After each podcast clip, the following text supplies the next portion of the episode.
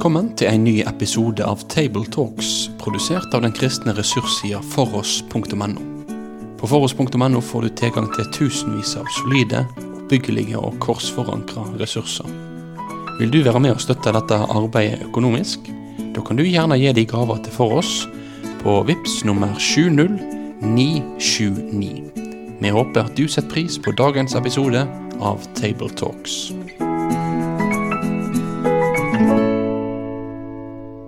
Hjertelig velkommen til en ny episode i Table Talks. Jeg heter Vegard Soltveit, og med meg har jeg Jorunn Sjåstad.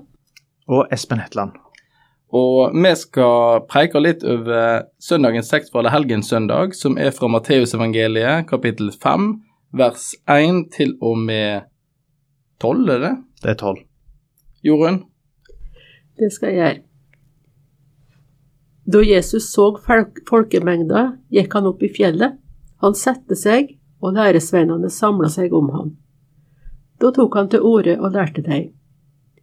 Særlig de som er fattige i ånda, himmelriket er deira.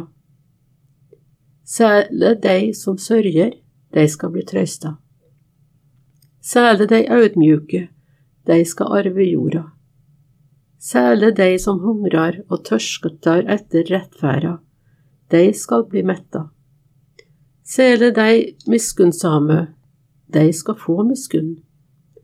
Særlig de reine i hjertet, de skal sjå Gud. Særlig de som skaper fred, de skal kalles Guds barn. Særlig de som blir forfølgde for rettferds skyld. Himmelriket er deira. Ja, sæle er de når folk for mi skyld spottar og forfølger dykk, lyg og taler vondt om dykk på alle vis. Gled dykk og jubla, for stor er løna dykkar i himmelen. Slik forfølgde de òg profetene før dykk. På 300-tallet så begynte man å feire noe de kalte for alle matyrers dag, som senere blitt allehelgens dag. Og Det var jo med utgangspunkt i den store forfølgelsen av kristne i de første århundrene. Og det er jo sånn denne teksten òg slutter med forfølgelse og håpet knytta til det. Og så er denne søndagen denne teksten skal leses på, det er allehelgenssøndag. Som etter hvert for reformasjonen er blitt en tid og er minnedag for alle troende, som er døde og gått i forveien. Og Jeg vet ikke med, med dere to, men jeg har uh, mange gode minner fra helgens søndag sjøl. Å være i, i kirka og, og, og, kjenne på det fellesskapet plutselig at jeg, jeg tilhører faktisk et folk som har dype røtter, og samtidig en enorm framtid. Det er som et tre, et levende tre som stikker dype røtter, og som ennå har kvister som skal skyte friske skudd. Og det kjente, eller kjenner på det veldig sterkt på allehelgenssøndag, kanskje særlig. Når folk jeg kjenner, når folk rundt meg kjenner folk som har gått bort. Og samtidig så er det en sorg, og samtidig er det en forventning framover. Vi skal ses igjen. Så for meg er allehelgenssøndagen en ganske mektig dag. Og det er en dag som åpner en del ting, og det kommer en del perspektiver og refleksjoner. Det tror jeg det gjør for flere. En tenker over det evige. Jeg vet ikke hva dere tenker om en sånn søndag? Jo, absolutt. Eh, jeg har ikke et veldig nært forhold til allehelgensdag, og i hvert fall i kirka. Da jeg vokste opp, så var allehelgensdag eh, Det er jo så nært på halloween at vi pleide alltid å flykte hjem eh, for å unngå å få, få folk på døra. Eh, så, så, jeg er vant med at alle helgensdag knyttes til nesten sånn landflyktighet. ja. Så sånn sett så, så, kjenner jeg meg igjen i profeten her som har blitt forfulgt i, i forbindelse med alle helgens og halloween. Ja, nei, Sjøl så har jeg heller ikke noe spesielle forhold til, til alle helgensdag, annet enn at vi vet at det var der, og at det var, en, det var en, egentlig en veldig alvorlig dag. Mm. Burde bli minnet om at ja, livet her tar slutt. Og har du da ikke din sak i orden med Gud, så var det ikke så veldig bra. Da, det, da gikk du fortapt. Eh, så kanskje var det litt mer eh, alvoret over den dagen enn gleda over det som vi leser om i Johannes' åpenbaring, med den nye himmel og den nye jord, som, som prega litt av det miljøet jeg var i. Så det er veldig mange forskjellige sider her. Og det tror jeg mange har òg, en sånn ulik følelse av denne dagen til eh, ja, ingenting. Til det alvoret og til denne, dette håpet som er knytta til det. Det kan jo være litt obs på når en skal preike òg. Det kan være mange følelser rundt en sånn dag, sjøl selv om jeg ikke kjenner på de sjøl. Nettopp fordi at noen har tradisjoner. En del plasser er det jo vanlig å reise seg og lese opp alle navn til de som er døde i menigheten det siste året. Og Dette kan skape en del sterke følelser og refleksjoner, tror jeg, hos noen. For noen kan det være mer likegyldig, og for noen er det et stort alvor. Og Det er jo derfor denne dagen tror jeg ble innført i kirkehistorien, både pga. alvoret, men òg for å hedre de som hadde gått foran og var kommet, eh, for å bruke Paulus ord, litt lenger i, i, løpet mot det evige mål. Eh, teksten i dag er jo henta fra Matteusevangeliet og begynnelsen på, på bergpreiken. Og det er jo kanskje en av Bibelens mest leste og kommenterte tekster. Eh, vi skal ta for oss prisningene, eh, og vi snakket litt om det her når vi forberedte oss òg. Det er en, eh, en flott tekst, men også litt vanskelig tekst å kommentere på mange måter. Eh, hva tenker du Espen om, om disse åtte eller ni saligprisningene, alt etter hvordan du leser og deler inn her? Eh, det slo meg nå når, når Jorunn òg eh, tok opp dette med alvoret, at det er jo en veldig en godt passende tekst til Allehelgens nettopp i at, at den tar opp noe av alvoret. Eh, vi snakker om profetene som blir forfulgt, at vi skal forvente eh, forfølgelse. Men, men, så er det jo nettopp trøstetekster vi leser. Eh, det er jo ordet salig, eller sæle, da, når vi leste på nynorsk, som er liksom det bærende ordet gjennom hele. Eh, og Hvis vi ser på, på, gresken, så er det makarios som ligger bak. Eh, og i, i liksom standardleksikonet eh, så, så, ligger det to, to definisjoner for makarios. Eh, vi kan enten snakke om Vi kan oversette det med lykkelig eller glad. og da uten så veldig mye sånn åndelige assosiasjoner til det. En sånn verdslig lykkelig lykke og gladhet. Eh, og den andre betydningen er velsigna. Um, og, og, det er jo da spennende Jeg har tatt noen, noen studiepoeng i bibeloversettelser det siste året og har sett på veldig mange sånne enkelttekstoversettelser. Og da har det vært veldig spennende å se hvordan de oversetter saleprisningene. Noen kjører jo da eh, 'lykkelig', 'glade er dere når dere blir Eh, glad er dere når dere sørger for en kjempestore paradokser. Kanskje enda større paradokser enn vi ser når vi bruker sæde og salige som sånn typisk helligord som en bare forbinder med saleprisningene. Men eh, det, er, det, er, veldig spennende å reflektere rundt hva legger vi i dette salige-begrepet. Det er jo Jesus som sitter sammen med disiplene. Og han har trukket seg unna folkemengden, egentlig. Og så begynner han å snakke om det at de er salige, de som er fattige i ånda, de som sørger. Det er en ganske si, bratt læringskurve for dem som har sagt at de vil være disipler. At de får en sånn skal vi si, velkomst og intro. At de er salige. Det kan de liksom i første omgang tenke ja. Det kjente de jo fra Det gamle testamentet, hva, det innebar å være salig. Men så kommer kalddusjen etterpå. Altså fattig i ånda. Han sier det ikke nødvendigvis rett til dem, men de hører det og vet hva de kan assosiere med de forskjellige uttrykkene nedover. For det er jo helt tydelig at Jesus her spiller på ting som er brukt tidligere i Det gamle testamentet, ting som disiplene umiddelbart forsto. Så, så det at Jesus var populær, likevel tok disiplene til sides og kom med denne her preika til dem. Det, er, tenker jeg, jeg vil ha opplevd det veldig nesten demotiverende. Og sjokkerende, ikke minst. hvis en, hvis en ser f.eks. På, på verset hvor det står at salige de som er rene av hjerte, for de skal se Gud, så har jo på en måte på Jesu tid og fram til Jesu tid så har det rådende renhetsbegrepet vært knytta til rituell renhet og til tempelet, og, og, de som er rene, er jo da eh, prestene, og det er kanskje farseerne. Mens her står det salig de som er rene av hjerte, for de skal se Gud. Og Assosiasjonene går jo da til, til Sinai-fjellet, hvor israelsfolket står og ser på fjellet og sier at vi vil ikke nærme oss. Hvis vi nærmer oss dette mm. fjellet, så kommer vi til å dø. Eh, og I Salme eh, 24 så leser vi at den som har skyldfrie hender og et rent hjerte, som ikke lengter etter løgn og ikke sverger falsk ed, han får velsignelse eh, av Herren og rettferd fra Gud sin frelser. Og Hvis en da tenker den religiøse eliten på Jesu tid, så vil jeg tro at mange av de tenkte ja, det er vi som får se Gud, det er vi som er Israels sønner, det er vi som er resten. Men det som går igjen gjennom alle de fire evangeliene, er jo at Jesus kritiserer fariseerne, sadikeerne, alle de skriftlærde for å være rene på utsida, men ikke på innsida. De har rene klær, men de har ikke rene hjerte.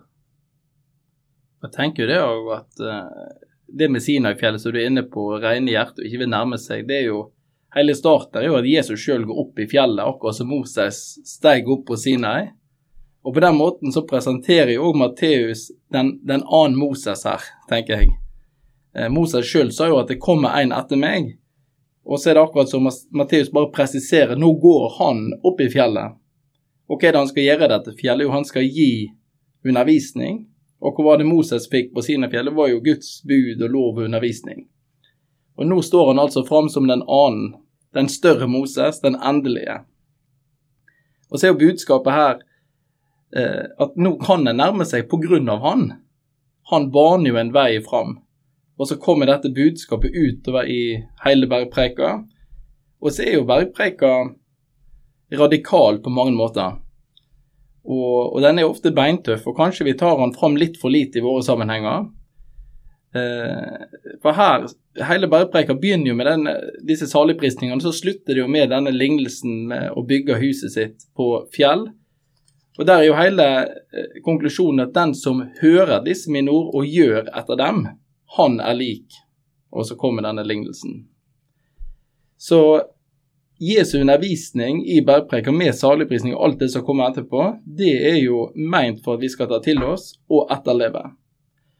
Og jeg tenker også disse saligprisningene som, som vi møter, er jo nettopp et trøst. Det er et trøstebudskap, tenker jeg. Det er denne kalddusjen, men samtidig er det et, et trøstebudskap til de som vandrer med Gud. Til de som opplever urettferdighet. For ja, de salige, de rettferdige, de lykkelige, lever jo i en urettferdig verden. Og nettopp derfor vil det komme trengsler. Leseteksten i dag er jo fra åpenbaringsboka 7. Og Der blir det jo stilt et spørsmål så hvem er disse? Hvem er disse som nå kommer seirende ut? Disse som er kledd i hvite kapper? Hvor, hvor, kommer de fra? Hvem er de? Og så er jo svaret det er de som har kommet ut av den store trengsel. Salige er de fattige ånden, og så kommer dette himmelriket deres. Trøsten, som ligger i hver saligprisning her. Til og med når de blir forfulgt for rettferdighetens skyld, så er himmelriket deres. Og Dette tror jeg trøsta mange opp igjennom, og for oss som lever i et veldig privilegert land og er heldige på utrolig mange måter, så kan kanskje disse saligprisningene bli litt Det kan være tråkke noen på tærne nå, men bli litt fjernt for oss. For at vi opplever ikke alt dette på kroppen. Og Noen har jo sagt at det, det giftigste for Guds menighet er ikke forfølgelse, men det er kanskje rikdom, materialisme. At disse tingene som saligprisninger til opp tatt vekk ifra oss. At vi opplever det som en trussel. Jeg håper aldri vi blir fattige i ånden. Jeg håper aldri vi blir eh, Altså kommer det videre nedover her. Men Jesus tar jo det nettopp opp andre veien. Ikke fordi at han skal oppsøke å bli fattig i ånden, for jeg tror ikke det er det det handler om men fordi at de som er der, opplever denne urettferdigheten, at de har klart å løfte blikket og se bortenfor fattigdommen, bortenfor lidelsen, og se det håpet som Gud har gitt oss. Og da blir lidelsen, fattigdommen osv. Det blir ikke et, et problem i første rekke, men det er jo et problem, men det blir òg en vei. Og så lærer de å se noe av Gud. Og da får jo en, kanskje dette en ny dimensjon, som for meg kan bli litt vanskelig, og jeg kan være litt distansert til det, nettopp fordi jeg er så privilegert og heldig på mange, mange måter. Mm. Og så er det en veldig spennende dynamikk nettopp med at disse ordene kom i begynnelsen av Bergprekten. For Bergprekten i det store hele er jo etiske veiledninger. Dette er det dere skal gjøre nå, dette er det det vil si å være Jesu disipler, dette er det det vil si å være en del av Guds rike. Um, men i disse versene så er det jo veldig lite av liksom etisk, etiske formaninger. Her er det jo trøstebudskapet. Det, det, er jo noen antydninger her, da. Salig er de ydmyke. Det, det ligger jo i det en formaning òg til å være ydmyk. Salig de som skaper fred, salig de som er rene av hjerte, salig de barmhjertige. Det ligger jo en, en, en, underliggende formaning der til å være disse folka, sånn sett. Men dette er jo erklæringer som Jesus gjør over disiplene og over sitt folk. Eh, og så er det noe med at dette knyttes til et eschatologisk perspektiv. Salige er dere som er fattige i ånden, for himmelriket er deres. Salige er dere som sørger, for dere, som, dere skal trøstes. Men det står ingen plass her at det skal skje nå. Det blir knytta til noe framtidig, og det blir knytta til at Jesus kommer igjen. Det blir knytta til Herrens dag, eh, og himmelrikets fulle komme. Og Det er jo den der spenningen vi alltid er når vi leser i evangeliene, at Jesus er kommet. Han er kommet for å rope ut nådens år for å eh, forbinde de som har knust hjerte osv. Og, og det gjør han i disse fortellingene på den dagen han sier det, men ennå ikke. Det er den spenninga. Eh, de som er fattige i ånden, hører allerede til himmelriket, men de har ikke ennå fått se det fullt ut.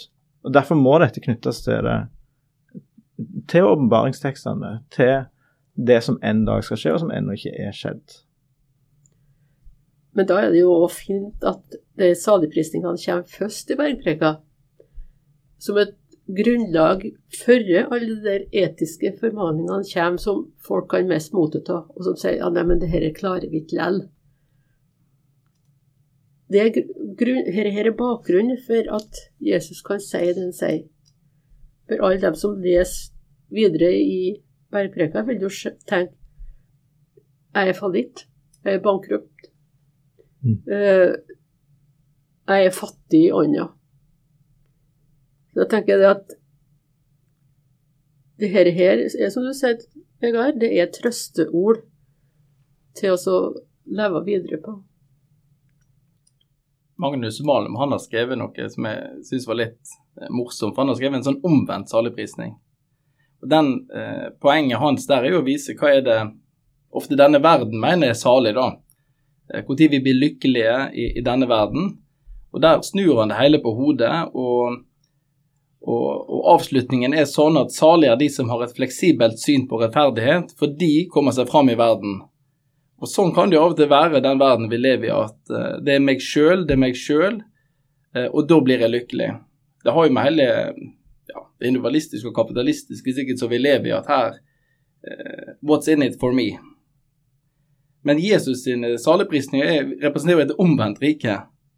Og jeg tenker også Når du leser sånn som du er inne på jorden videre i bergpreika, og så kommer han hvis noen slår deg, vend andre kinnet til. Hvis noen tar kappa di, gi han gi han ei kappe til. Hvis noen spør gå én mil, gå to mil. Hvis du holder på med det der, så vil jo folk tenke du er totalt idiot. Hva er det du holder på med? Du tjener ingenting på å gå en mil ekstra hvis ikke du er på treningsleir. altså, det er noe det, det, det, er en totalt omvendt måte å tenke på. Dette omvendt rike Jesus sa. Så jeg tenker jo òg det at når en hører disse mine ord og gjør etter de, så er det ikke sikkert bare en føler seg som en klok mann som alle ser opp til som bygger huset på fjell. Kanskje noen vil riste på hodet. Hva er det for en tullebukk som vender det andre kinnet til?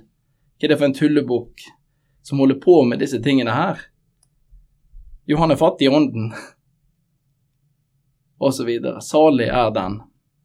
Så det er òg eh, en vei å gå, dette her. Salighetens vei, sammen med Jesus. Og jeg tenker òg at de som har lyst til å å vandre sammen med han som sa 'følg meg', må jo være villig til å gå den veien, uansett hvordan den blir. Og det vil være en annerledes vei enn ja, den vi ser i samfunnet for øvrig, tror jeg. Den veien som peker på meg, på mitt, kommer deg fram og opp, bruker albuer og skubber vekk. Her er det en annen type holdning, et omvendt rike, der en skal løfte den andre opp. Og kanskje da vil noen se litt rart på deg, men nettopp til deg som snur andre kinnet til, som gir ei ekstra kappe, som går ei ekstra mil, salig er du, himmelriket er ditt. Jeg syns det er sånn trøst i dag. Samtidig er jo Jesus veldig eksklusiv her. Han sier det er for min skyld, altså for min skyld. Og dem som Altså, det er ikke uansett om du er fattig, så, er du, så er, hører du med i Guds rike, eller om du er sulten og tørster etter rettferdighet, så er du, er du dermed Guds barn.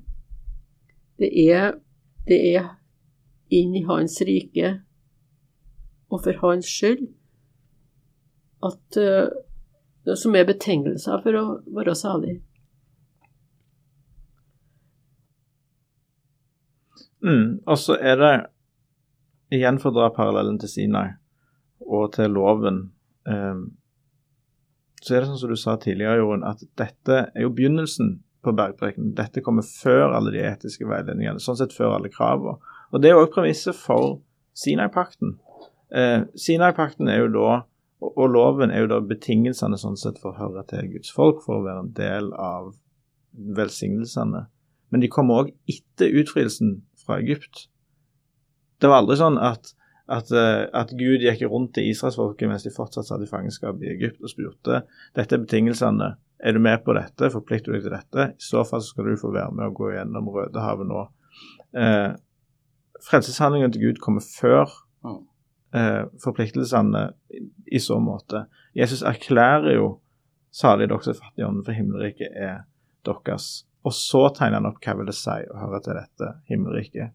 Så selv om den tidlige kirka, den aller aller tidligste kirka, de brukte bergprekenen som sine tekster når de gikk gjennom liksom Jesu ord, hva var det Jesus talte, så var det bergprekenen som var helt, helt sentralt.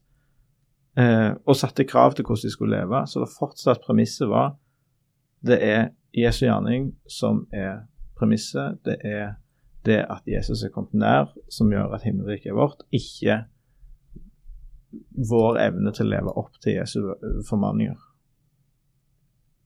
Det tror jeg er et veldig viktig poeng. Så det er viktig at vi begynner i, i riktig ende. Og, og, hele grunnlaget er jo nettopp at noe er skjedd før formaningene. Og jeg syns det var et utrolig godt bilde med å gå gjennom Rødehavet, som er denne dåpen som Paulus beskriver i Korinterbrevet, og så kommer ja, konstitueringen av Guds folk på Sinai. Og det er jo kanskje også sånn bergpreik er lagt opp her, da med disse saligprisningene, og så kommer konstitueringen. Hva vil det si å være en Jesu disippel? Hva vil det si å følge i hans fotspor? Og så mener jo Jesus det han sier òg. Det han sier det ikke bare på gøy, denne bergpreika, men det er jo de som hører og gjør disse ja, ordene han sier, den bygger huset sitt på, på dette fjellet. Vi nærmer oss slutten på teksten. Det er allehelgens søndag, en dag der eh, noen har gått før oss, vi lever nå, og noen kommer etter oss. En dag der eh, saligprisningene òg tar opp dette evige. En skal arve jorda, himmelriket er deres, de som er salige. Det ligger noe foran oss, og leseteksten òg er tydelig på dette i dag. Det er en framtid, det er en himmel i vente. Og På den måten så bindes jo dette opp. Det er et budskap som både går framover og utover. Utover den tida vi lever i nå, og som knytter oss sammen med de som har gått før oss. De som har gått i forveien. Vi er jo et folk av salige. Og jeg syns jo det er noe av det kanskje flotte med Allehelgens søndag, og ja, i den tradisjonen vi står i som eh, med reformasjonen, alle de troendes dag. Det er ikke bare noen få utvalgte som en eller annen har utnevnt, dette er en dag for alle som har gått foran, for vi som lever nå, og de som kommer etterpå. Guds store folk.